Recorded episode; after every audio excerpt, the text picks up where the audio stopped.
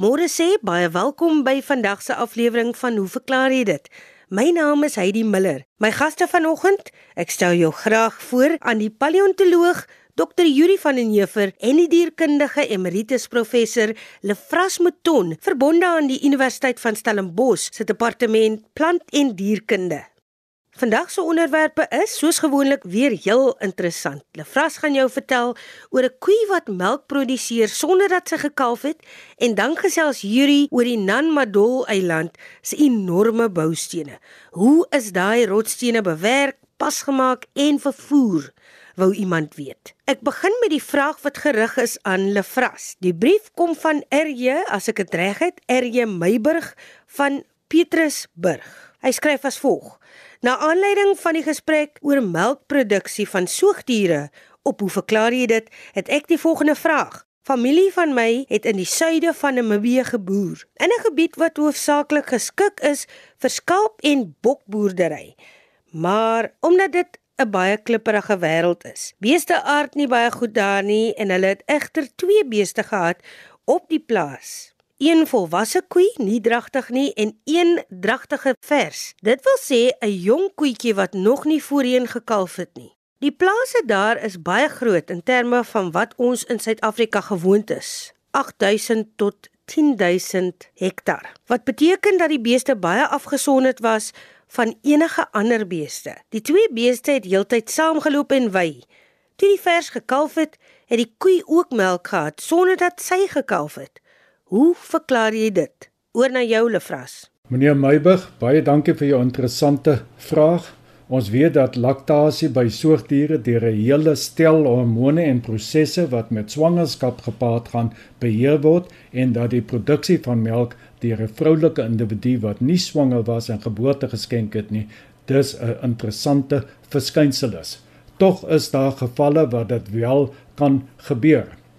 Uh voor ons egter hierna kyk, moet ek eers net noem dat melkbore laktasie by koeie kunsmatig kan indiseer deur die toediening van hormone soos estrogen en progesteroon.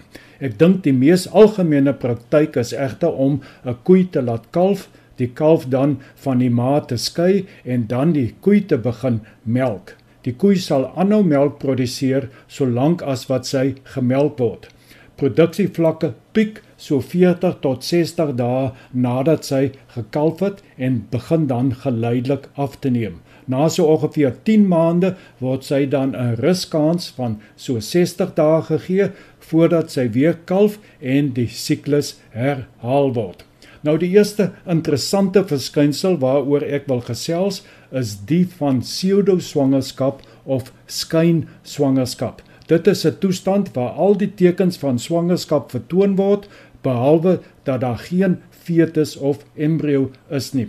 Hierdie toestand word teweeggebring deurdat die korpus luteum, dit wil sê die oorblyfsel van die eierfollikel na ovulasie, nie degenereer nie, maar net soos in die geval van waar bevrugting plaasgevind het, bly voortbestaan en hormone vrystel uh, wat tipies moederlike gedrag en laktasie tot gevolg het. Nou pseudoswangerskappe kan by verskeie huis- en plaasdiere voorkom. Dit is byvoorbeeld 'n normale fisiologiese proses by 'n teefhond wat nie gedek was toe sy op hitte was nie en word gesien so 45 tot 60 dae na sy op hitte was.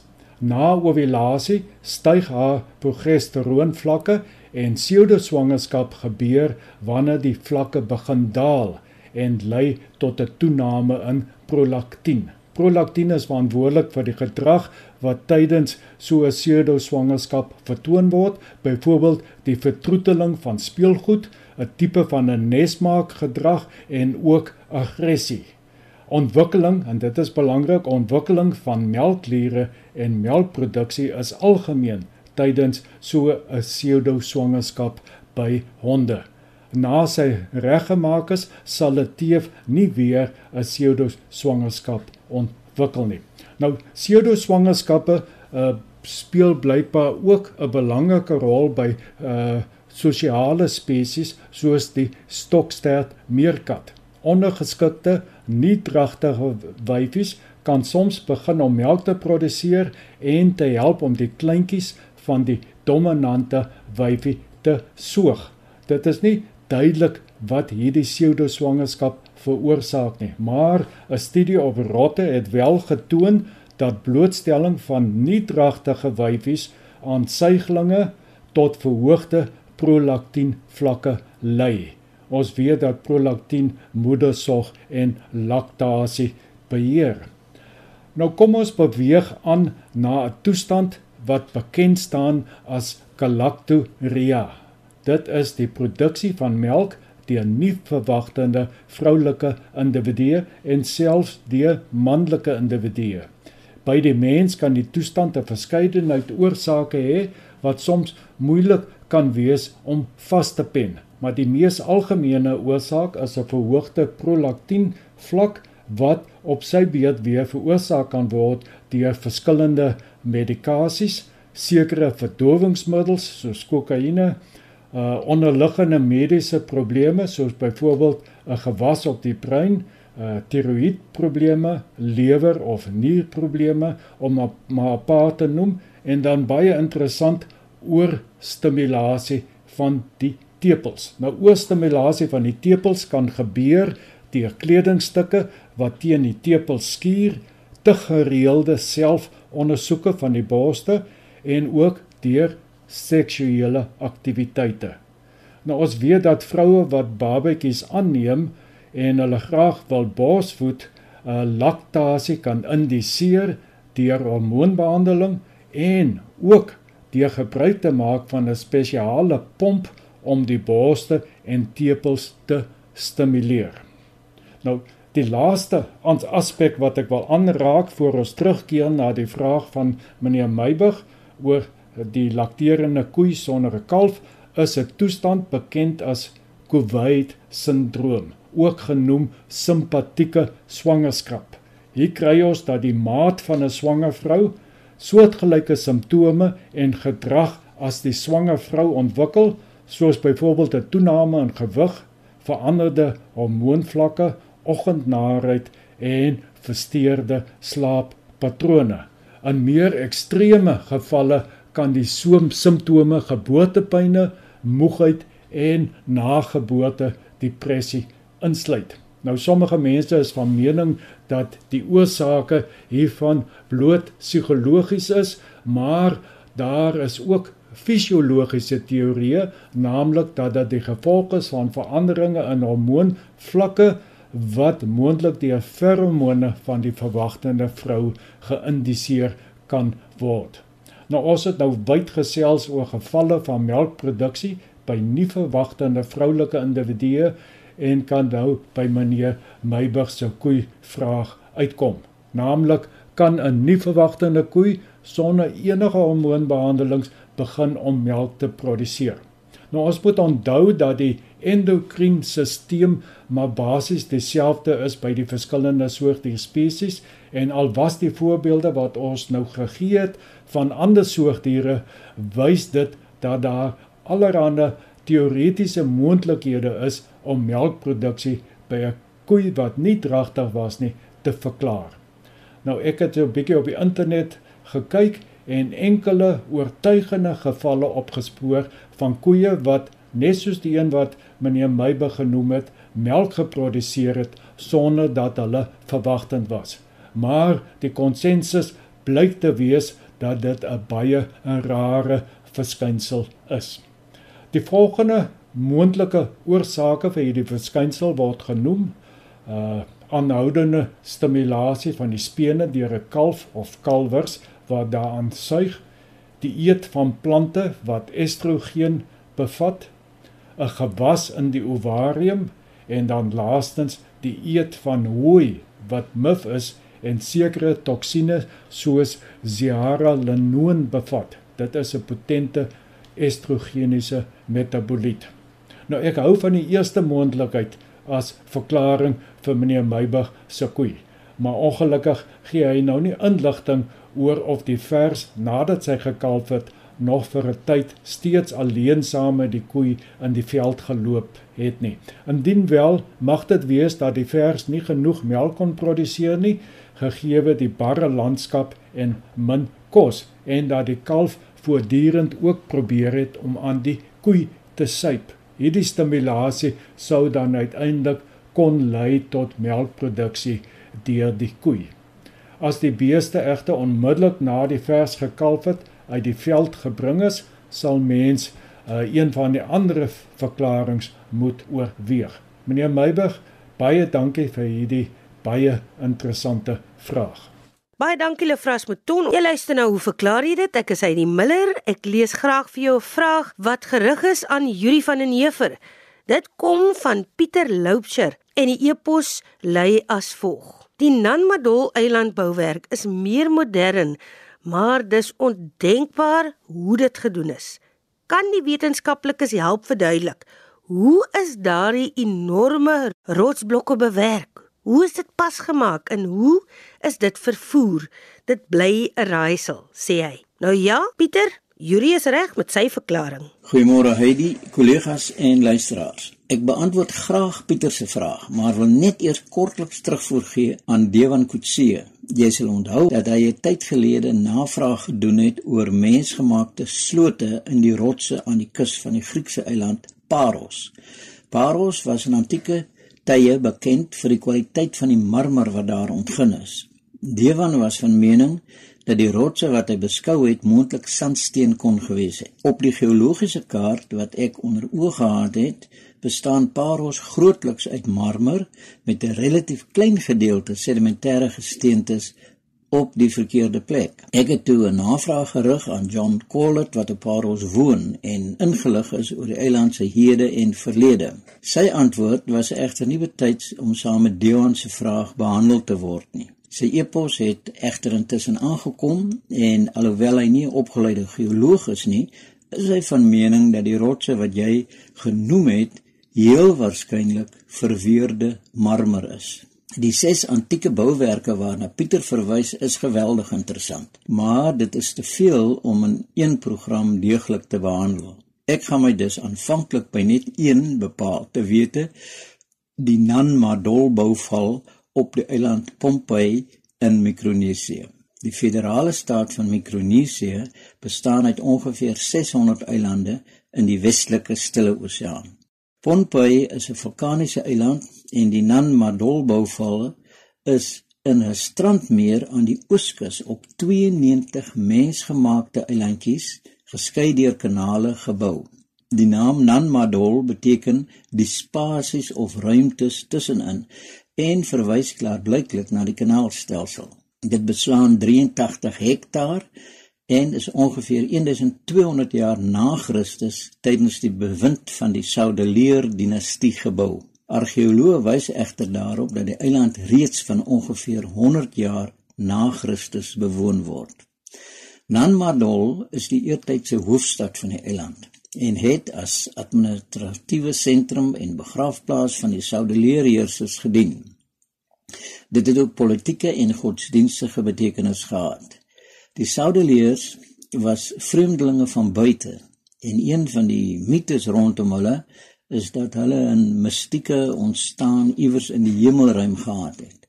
'n Ander verklaring is dat hulle twee towenaars was wat Nanmadol met die hulp van 'n vleiende draak gebou het. Die bousels kom nie algemeen in die gebied voor nie en argeoloë dink dat dit waarskynlik slegs deur baie belangrike persone gebruik is. As vulkaniese eiland is Pohnpei oordek met basalt. Basalt is 'n stollingsgesteente wat aan die oppervlak of effens dieper in die aardkors vorm wanneer magma, 'n chemies komplekse, baie warm vloeibare rots van diep binne in die aarde as lava uit 'n vulkaan bars of in groot plate uitvloei wat dan afkoel en verhard as basalt. As basalt relatief vinnig aan die oppervlak afkoel, het dit 'n fyn kristalline struktuur. As dit dieper in die aardkos stadiger afkoel, is die kristalstruktuur grower. 'n Voorbeeld van laasgenoemde is die doleriet wat ons in die Karoo aantref. Die volgorde waarin dik plate basalt afkoel, is verantwoordelik vir unieke verskynsels. Met afkoeling krimp en kraak basalt op 'n spesifieke manier om vertikale pilare of kolomme te vorm. Die kolomme koel geleidelik van bo na onder af en ontwikkel natuurlikerwys parallelle vertikale krake om veelkantige pilare met 5, 6 of 7 bladsye te vorm. Dit staan bekend as poligonale pilare of kolomme. As die pilare vinnig afkoel, is hulle dunner en die wat stadiger afkoel, is dikker. Die afkoelende basalt kraak ook horisontaal en vorm korter, veelkantige kolomme wat aan boomstompe herinner.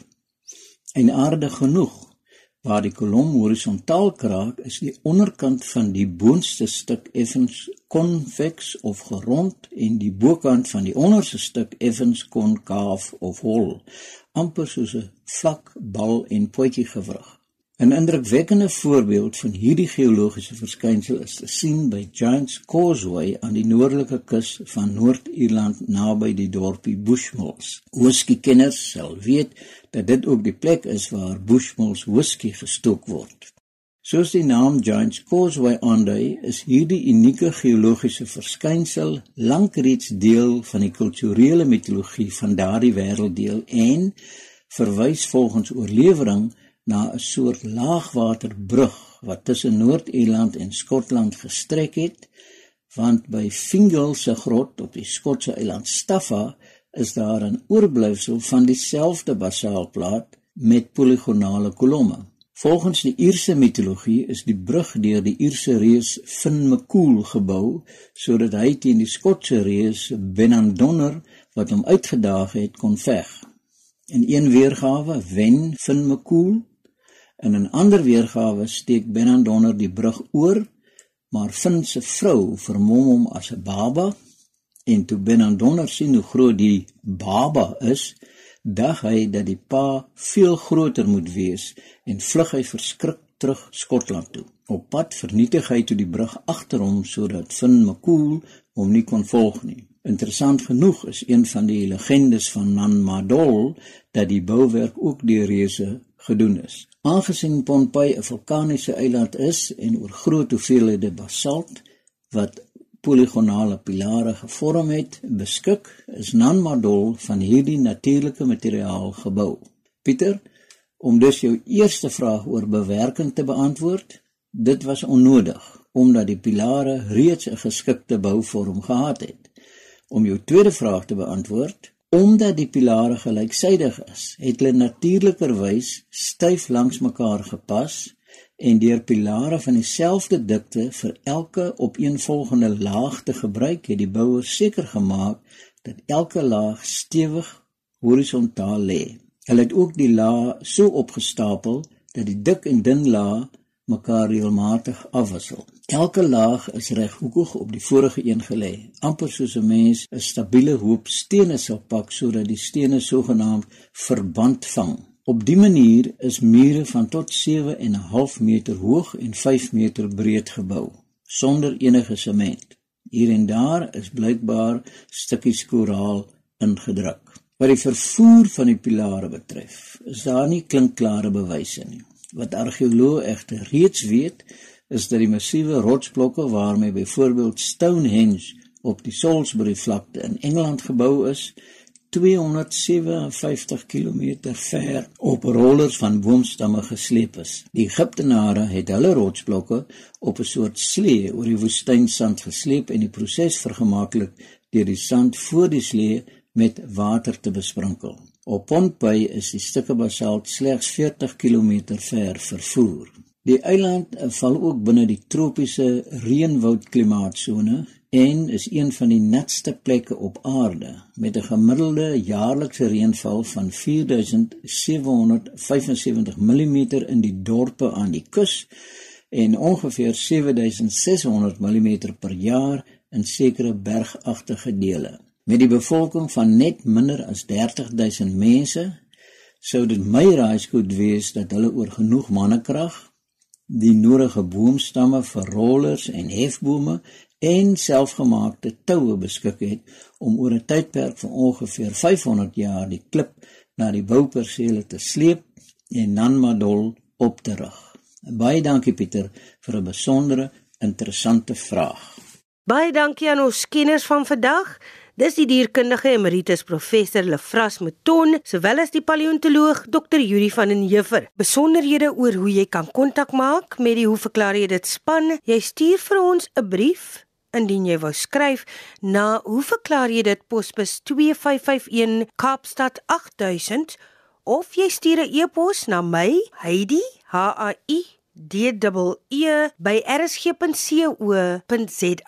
Onthou jy kan ook hierdie programme gaan aflaai op ons webtuiste rsg.co.za. Klik op potgooi en dan soek jy onder hoe verklaar jy dit en jy kan die program daar in die MP3 formaat aflaai. Aanstaande week vertel ons jou meer oor die Perde Rinnik Kriek. Ek hoop jy skakel dan in by my Heidi Miller en die hoe verklaar jy dit span.